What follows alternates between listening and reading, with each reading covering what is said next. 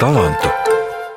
Esiet sirsnīgi sveicināti! Šodien mums ir iespēja tikties ar vienu no mērķtiecīgākajiem talantiem - cilvēku ar apskaužam augstu pašcieņu, kurš spoži nes Latvijas vārdu pasaulē, mūsu izcilo operdziedātāju Egilu Siliņu.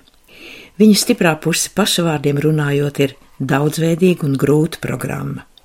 Ja labs režisors pamatīgi strādā, no manis var daudz ko iztaisīt, smaidot, saka Egils, kuram darba mīlestību un kārtību jau agrā bērnībā ieaudzinājusi viņa stingrā mamma. Stāstu par pasaulē tik pieprasīto operu dziedoni veido ģirts Bišs, Guntis Sūniņš un Lija Guļevska, protams, māksliniekam pašam klātesot. Labdien, man tiešām prieks jūs redzēt Rīgā. Sveicināti! Ingils Siliņš no Latvijas ir Latvijā šogad vairāk kārt arī uzstājies.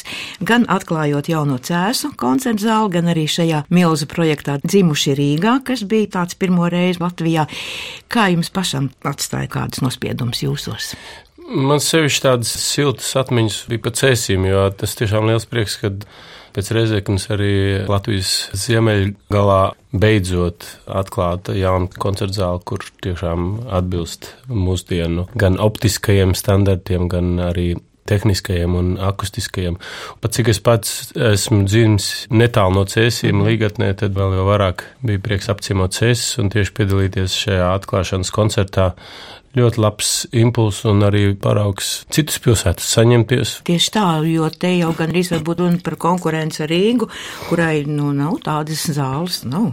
Nav tas jau mazliet pat vāciski teikt šandi, tas tā kā tāds kauns un traips, ka mums tomēr tik daudz izcilu muziķu. Protams, tādiem birokrātiņiem viņam liktos, jā, nu kā, nu ir jau lielā ģilde, bet viņi nesaprot, ka vienai koncertzālē jāatbilst akustiskām prasībām un kubatūrai un lielumam, lai atskaņotu simfonisku muziku. Gan pašiem muziķiem izvērsties, gan klausītājiem gūt iespēju, tiek vienkārši nozakts. Pirms nepilna gada biju Helsinkos dziedāju. Un tad, kad man ved uz koncertu zāli, es jau teicu, bet mums nav jānogriežas pa kreisi.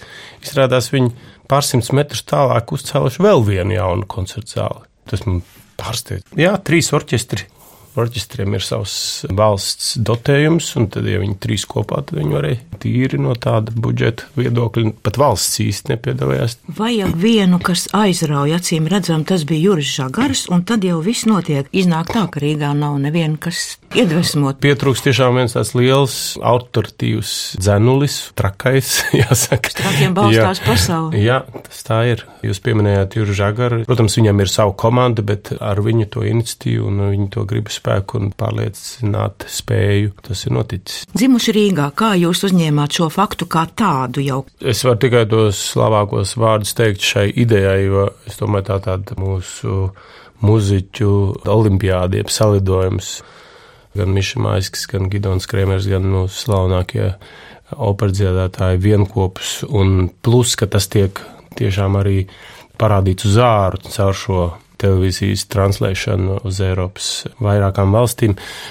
Mums ir ko lepoties, un latviešiem pietrūkst tas, kas ir amerikāņiem, šī pašpārliecinātība. Viņi nav nemaz tik labi, bet viņi ienāk viens amerikāņu operas mākslinieks mēģinājuma telpā, un tad viņš uzreiz ir tādu pašpārliecinātu, ka es varu to, un es varu šito, un rezultātā viņš var trešdaļu mazāk kā viens latvietis, bet mēs tādi kā, nu, tā ir bija labi. Jā, jā, jā tā ir un, visās jomās. Jā, pietrūks tāds pārliecība, ka mēs Pašcīm esam labi, mēs esam pietrūks. labi. Mēs aizbraucam uz ārpusi un viss tā brīnās, kur mums tik augsts un labs līmenis.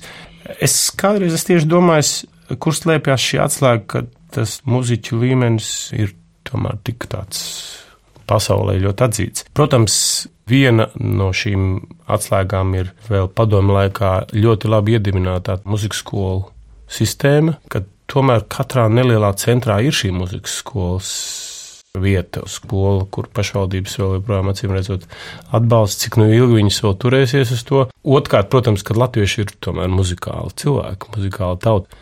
Es tagad ar vienu kāju dzīvoju Spānijā. Ja spāņi sanāk kopā un kaut vai nodzied happy birthday, tad tas diezgan šķīvi skan. Ja? Un, ja latvieši sanākuši kopā, tad domā, ka viņi būtu mēģinājuši iepriekš. Koru un dziesmu svētku viss jau notiek. Protams, šī bāze visu laiku, burtiski katrā ģimenē viens cilvēks kaut kur ir vai bija vismaz agrāk kādā korī vai ansamblī. Un pēdējais aspekts, es uzskatu, ka mūsu iekšienē Rīgā tieši lielākoties var runāt par Rīgas koncertu dzīvi, ir gan paši muziķi, gan kritiķi, gan arī publika ir ļoti, ļoti kritiski.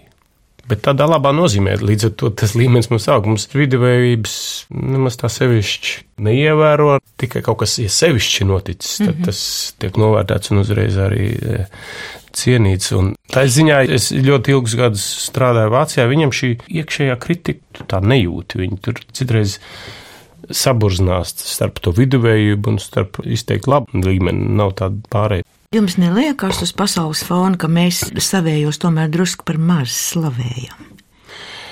Lai nu ir tā kritika, labi, bet cilvēkam jājūt ir kaut kāda arī atbalsta, nu, lai viņš radoši varētu atvērties. Ne, ja es kā mākslinieks, kurš tomēr tiek Latvijas presē un visur atzīts, teikšu, ka man vēl pa maz slavē, tad. Ne, nu, jūs bet, esat jau vārā, bet, nu, principā. Varbūt uz mani mazliet uzmetīs zobu pagātnes radošie cilvēki. Bet man, cik es epizodiski esmu Latvijā, man ļoti bieži tāda sajūta, ka tiešām, kā jūs teicāt, tie muzeķi, kas patreiz ir labi, salīdzinoši mazāk slavēti, un tie, kas kādreiz bija labi, daudz vairāk tiešām, jā, toreiz, kad dziedāja tas, un mm -hmm. mēs ļoti bieži vairāk skatāmies pagātnē, un to tagadējo it kā tiešām īsti neredz. Es negribu teikt, ka nevajadzētu slavēt tos pagātnes nopelnus. Protams, bez pagātnes jau mēs nebūtu šodienā, bet tā proporcija.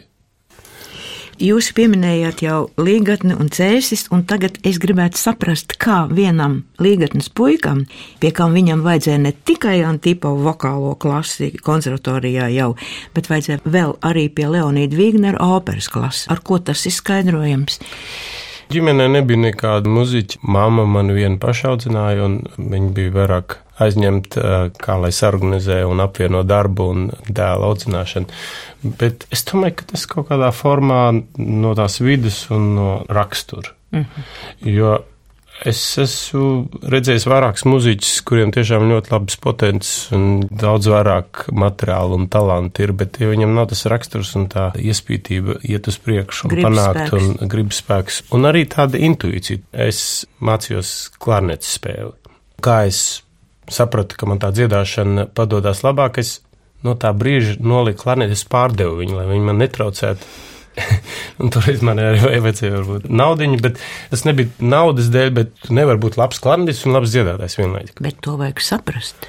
Jā, to es runāju par to intuīciju. Mm -hmm. Tev tu jau var strādāt piecos virzienos ļoti labi, bet tev jāizvēlās tas īstais un viens tā iekšēji es uzreiz jūtu, ka kaut kas pietrūkst tajā virzienā, es mēģinu atrast ceļus un virzienu, pie kā es varētu gūt šīs zināšanas. Vienmēr man bija jācīnās. Es sāku strādāt 90. gadu sākumā Frankfurtē, un man par nelaimi nomainījās internāts un apmainīja repertuāru. Bija tā, ka tajā pirmajā gadā man īsti nebija tās absolūtās lomas vairs, ko dziedāt, un es uzreiz domāju, kā lai tu tukšumu aizpildi. Un pat cik man bijusi sieva bija pianists, es uzreiz devos uz konkursiem. Un tādā veidā es saka, turēju sev formā, gatavoties konkursiem, un plus viņus arī vienā pēc otru uzvarot, ik pa laikam. Ik pa brīdi arī uzvarēju. Cits varbūt vienkārši to nebūtu domājis. Paldies Dievam, iešu iepirkties, jeb iekārtošu savu dzīvokli vairāk. Es vēl kādreiz domāju, mums latviešiem tomēr žēl, ka nav tas ebreji viens otram ļoti palīdz. Mm -hmm ka es redzu, kā, Velk, kā, kā tā, kā tā ķēde jā. un saikne ir. Ja mums latviešiem būtu nu, vismaz 20% no tā, mēs būtu daudz labākās pozīcijās, gan kā muzeķi, gan kā solisti. Un tas ir žēl. Es pats personīgi cenšos vienmēr, ja man izdodas ieteikt, palīdzēt kolēģiem, ja muzeķiem, man tas nav žēl. Nu, varbūt tā ir tā latviešu skaudība kaut kur iekšā. Nu jā, mēs esam tādā geogrāfiskā punktā, kur krustu šķērs mums arī visādas varas pārgājušas, varbūt tāpēc tas raksturs ir tāds. Jā, jā bet ja runājam nevis vairs par varām, bet tiešām par tautībām, kas ir krustojušās, tur mēdz teikt, ka tieši tāpēc tie cilvēki ir tik talantīgi. Nu, Latvija nenoliedzami ir talantu pilna zeme. Tur taisnība. Es atceros, kad jau es arī gan tajos konkursos piedalījos, gan arī kādreiz dziedāju, kādreiz sarunājoties ar kādu dziedātāju, kurš arī dabūja kādu vietu uz preses, kas viņam ir vecāki, tad ļoti bieži bija jauktu tautību vecāki. Šis tautību jaukums ir acīm redzot tomēr viens stimuls tādiem labākiem gēniem. Tieši tā. Jā. Jūs ar savu mērķtiecību, ar to pašu izcīnīto ceļu esat kontinentos. Austrālijā jūs esat bijis? Austrālijā vēl neesmu bijis. Vienīgais Jā. kontinents, kur jūs nesat, jo, ja sāk skatīties, kur jūs esat, nesāksim pārsaukt, pretējā gadījumā nevarēsim paklausīties, kā jūs dziedat. Galva reipst, pašam nereipst. Austrālijas sakarā jāpiebilst, ir ļoti burvīga šī operēka, bet mm -hmm. pašas operas līmenis, mm, jā, es domāju, Latvijas opera noteikti ir galsties pārāk par viņiem. Prieks dzirdēt. Es vēl atradu tādu informāciju, ka jūs esat atzīts arī Zagrebas operā 11. vai 10. gadsimts kā labākais, labākais Horvātijas dziedātājs. Pilnīgi pasakainas lidojums pa operas augstākajām virsotnēm. Vai jūs varat kaut ko no visa šī izdalīt? Nu, nav jau tā, ka jūs pilnīgi vienādi justos uz visām operas skatuvēm. Esmu uzstājies Cīrihas operā, un tā ir man sevišķi vēl iepriekšējā intendanta Aleksandra Pereiras direkcijas laikā. Tad vismaz septiņas vai astoņas iestudējumus es tur mm -hmm. izpildījis burtiski katru otro gadu vai citreiz arī biežāk. Viņi pēc lieluma ir, nu, varbūt simts vietas mazāk nekā Latvijas operā, bet ļoti labi akustika, ļoti profesionāli, viss tas menedžments, kā šveicis pūkstens, kas mm. strādā ļoti sirsnīgi cilvēki, un tu, tu jūties tik brīvi, bez kādas nervozitātes, bez stresa, tas e, operas tajā biznesā ir tāda reta parādība. Un arī pati šī pilsēta, viņa tāda maza liela pilsēta. Visas tautību restorāns to var dabūt. Es vienmēr redzu tiem operāniem, kuri pie ūdens ir laba aura. Arī mūsu Latvijas Nacionālā opera tomēr ir pie kanāla. Ir, ir, jā. Un arī, kur es kādu apakaļ dziedāju Monako, kur pie pašas jūras, burtiski jau septiņas stāv zem jūras, ir visas mēģinājuma telpas. Kaut kā tas ūdens, laikam, iespēdo arī to auru. Noteikti, jā, ūdenim jau ir milzīga enerģētiska spēja. Jums pa priekšu iet slava kā Vāgnera mūzikas interpretam, kas manā saprašanā ir viens no visgrūtākajiem priekšdziedātāji. Tas atkal varētu atbilst jūsu raksturam, jo grūtāk, jo labāk, kad pārvar un tad aiziet. Savukārt atkal gandrīz vai liktenīgi pat pirmā bija Rīgas operā Mefistofels. Mm, jā, jā. Tas es... gan nebija Guno, tas, tas bija Boito Mefistofels. Jā, jā, un tad ar Faustu Mefistofelu jūs izgājāt pasaulē. Jā. Vāgners sāk dziedāt šajā gadsimtā, un iepriekšējos gadus es pamatā dziedāju tikai itāliešu un franču operās. Un viens projekts, par ko man bija parakstīts kontrakts, tas izkrita, un Andrejs Žagars toreiz uzrunāja Klausies, tu negribētu eh, mums te pēc trijām nedēļām holandiešu pirmizrādi, varbūt, ka tu tomēr vari. Nu, tāds īsts laiks gan ir tai lomai, bet, nu, es saņēmos, iemācījos un ar to sākās Wagner eh, tāds gājiens. Kaut gan pirms tam es vienu lomu biju Čikāgas operā dziedājis, Parsifālā Klingsora lomu. Bet caur holandieti patreiz es esmu nodziedājis 13 iestudējumus šai lomai visā pasaulē. Mm -hmm. Tieši caur holandieti un Votānu un Nībelu un Gradzunā ir tas, kur joprojām mani visur aicina un pieprasa. Kaut gan maija mēnesī bija ļoti interesants fakts, kad es Berlīnē dziedāju vienas nedēļas laikā Berlīnas štatsoperā Skarpiju Pučīnī operā Toska, un dažas dienas vēlāk otrā opernāmā Deutsche operā es dziedāju kurvenālu lomu Tristānā un Izolda. Un viņa teica, nu tā vēl neviens te nav darījis. teica, ka... Kā var nedēļas laikā dabūt skarpīgi gatavu? Nu, to lomu jau es biju dziedājis, bet klausītāji, kas pēc tam nāk uz parakstiem, tie tādi abrīna, kā jūs vakar dziedājāt vēl tur un šodien šit. tā kā no šī itāļa repertuāra es vēl, ja dziedu, tad šī skarpijas loma bieži visur vēl aicināts. Bet Vāgners ir gan arī pamatā, jau vācu muzika. Bet Vāgners ir grūts komponists. Jūs nenoliksiet. Vāgners, jā, bet tā, ka tu viņā ieeja dziļumā, tad viņš man liekas, ka tās pārējās muzikas tādas pa daudz vieglas.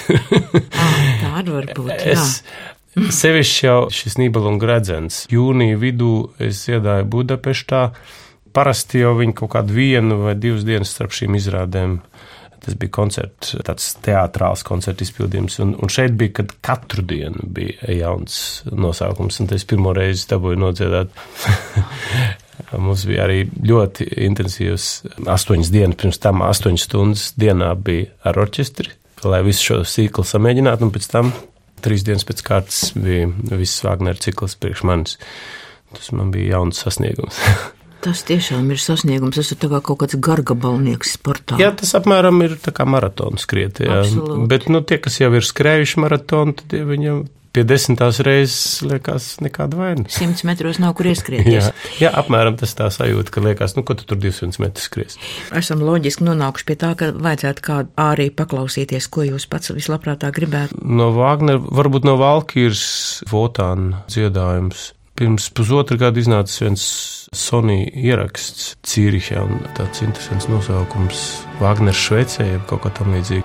Ierakstu zāle bija pretī viesnīcai, kurā Wagners sarakstīs Valkīras pirmo cēlienu. Mēs pa logu varējām redzēt, teiksim, to dārzu, kurā viņš esat ļoti daudz nedēļas pavadījis un tieši mūziku rakstījis.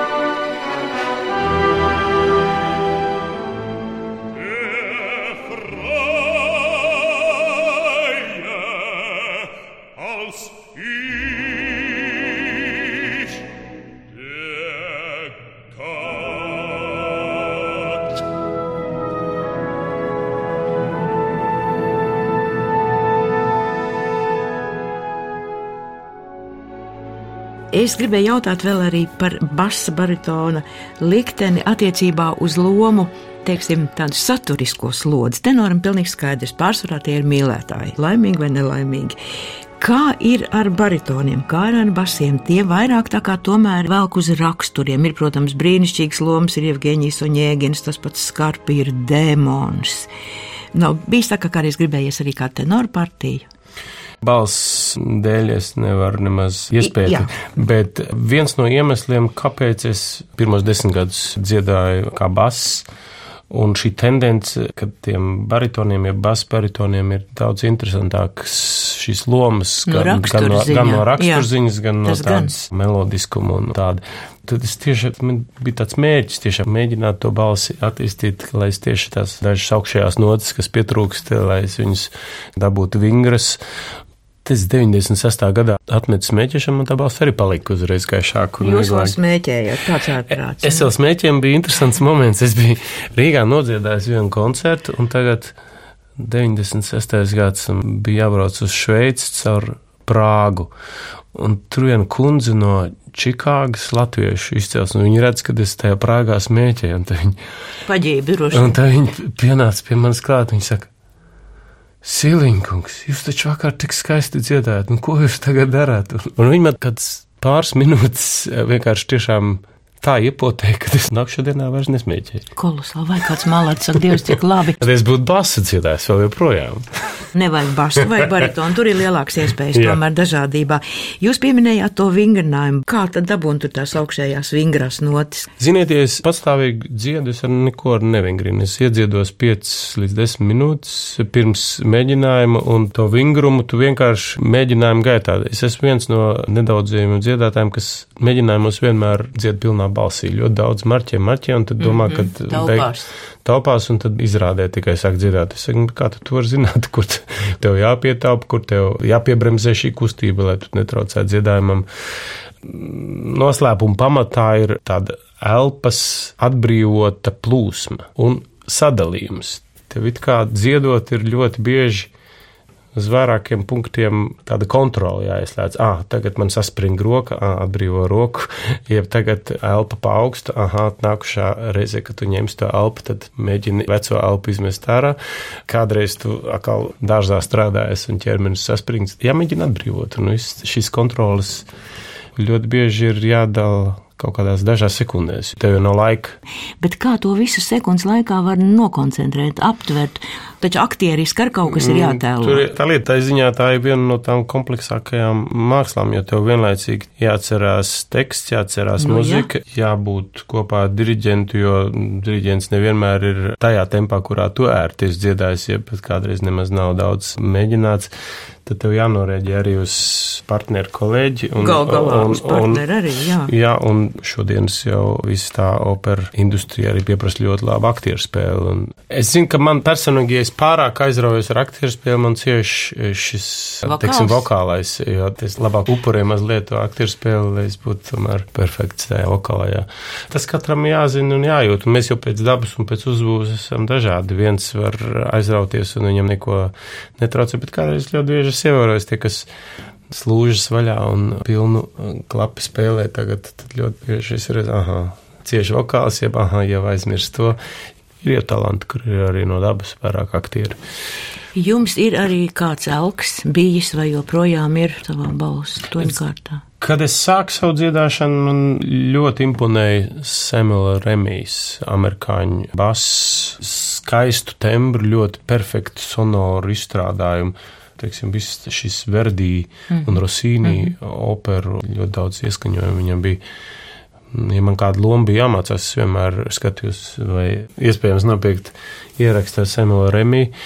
Tā kā tu arī klausies, tad tu zini, ka nebija muzikāls kļūdas, kuras pēc tam tev ausīs pielīp, un tu pēc tam dziedi nepareizi, kā saka. Mm. Pēters Grāvals, mūsu slavenais baritons, kuram taču nebija oficiāli augstākās muzikālās izglītības, vienmēr stāstīja, ka viņa skola ir bijis Tito Gobī. Tito Gobim man ir kā ļoti labs piemērs tieši Skarpijas lomai. Nu, es, Rigoleto es, arī. Es atrodu viņu kā tiešām. Kā aktieriski arī. Jā, jā, jā, īstais pareizais. Jums jau šis, pilnīgi sāk vibes šis, mainīties. Šis, šis tembrs, jā, pilns, sulīgs, piesātināts, tumšs, viens no Skarpijas maniem ideāliem. Vai jums, operas dziedātājiem, man liekas, īpaši aktieriem, iespējams, arī ir kaut kāds rituāls, vai tur pārmet krustiņu, vai nometās uz vienu ceļu, vai ir kāds amuletiņš, vai jums arī ir tāds? Nē, man kas... nav. man vienīgi rituāls ir, ka tev apmēram 3,5 līdz 4 stundas iepriekš gaļo ar makaroniem, ja itālieši saka ar pastu. Jā vai nē? Jā, ēd vairāk spēku. Kaut gan es labāk esmu izsalcis nekā, es esmu pavēlējis. Ir citātāji, kur starpbrīdī ēd, es varu banānu noēst, kaut ko ēst, tad man jāiet uzreiz pa jaunu, jāiedzedās un jādabū tās saites tīrs no visiem piesārņojumiem. Vai mēs varam runāt par jūsu nākošajiem tuvākajiem plāniem? Kas notiek ar Egīlas Sirliņu? Nu, sāksim, teiksim, augustā. 2. augustā es dziedu Čikāgā festivālā Ravinijā, Salomas izrāde, Johanan lomu. Tad es atgriežos koncerti divi pie Galants un divi pie Davīdos. Cintaru koncertzālē. Tad es augusta beigās dodos uz Tokiju, kāds sešas nedēļas Wagner Parsifāls būs Tokijas operā, kur es dziedāšu Fortes lomu. Pat tiešām no Tokijas es dodos uz Šanhaju un Pekinu, kur būs tad elektrs izrādes koncertu iestudējums. Novembra vidū man ir solo koncerts Rīgā, laipni lūgt. Paldies! Ar orķestri un diriģentu Andri Pogu. Ļoti interesanti dažādi programma, nebūs tikai Wagners, būs tikai viens Wagners. Arī decembra vidū ir divi koncerti. Ļoti skaists koncerts, kurus sen loloju nodziedāt Rīgas publikai Mendelsona Elijas.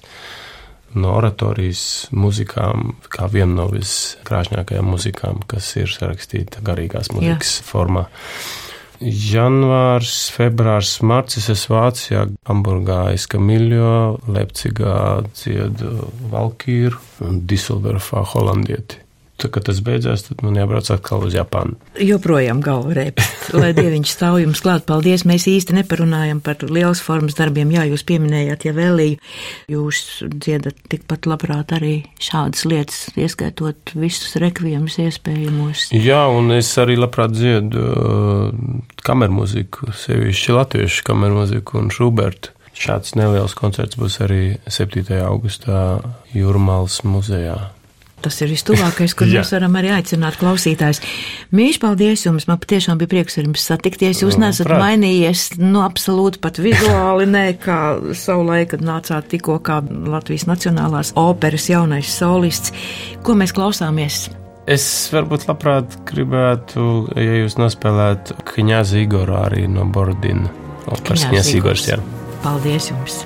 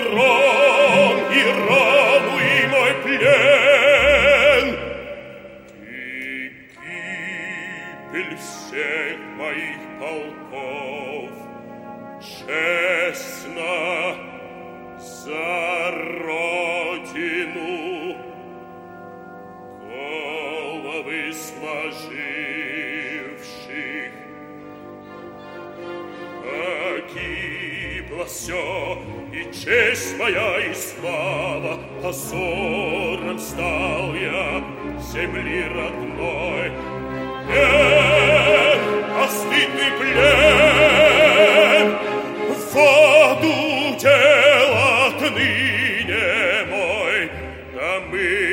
что все винят меня.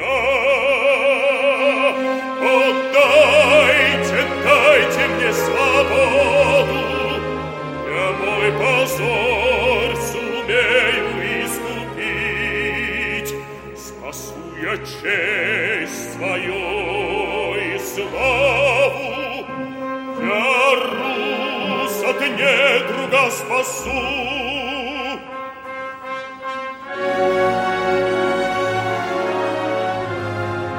Klausoties Igorā, arī atcerējos mūsu dziedātājam ārzemju presē veltītos vārdus. Pārsteidz tas, ka slaids vīrs var dziedāt tik plašā un spēcīgā balsī. Šodien stāstu par pasaulē tik iecienīto Latvijas operas dziedoni veidoja Girts Bišs, Guntis Suniņš un Lieguļevska. Sveiciens un paldies arī Gila mammai, Nelijai Siliņai. Mēs par jūsu dēlu esam lepni. Ja vēl varētu viņu skatīt ne tikai princis Čārls, bet arī mēs Latvijas Nacionālajā operā kā dēmonu, jācer, ka tāds brīdis atkal pienāks.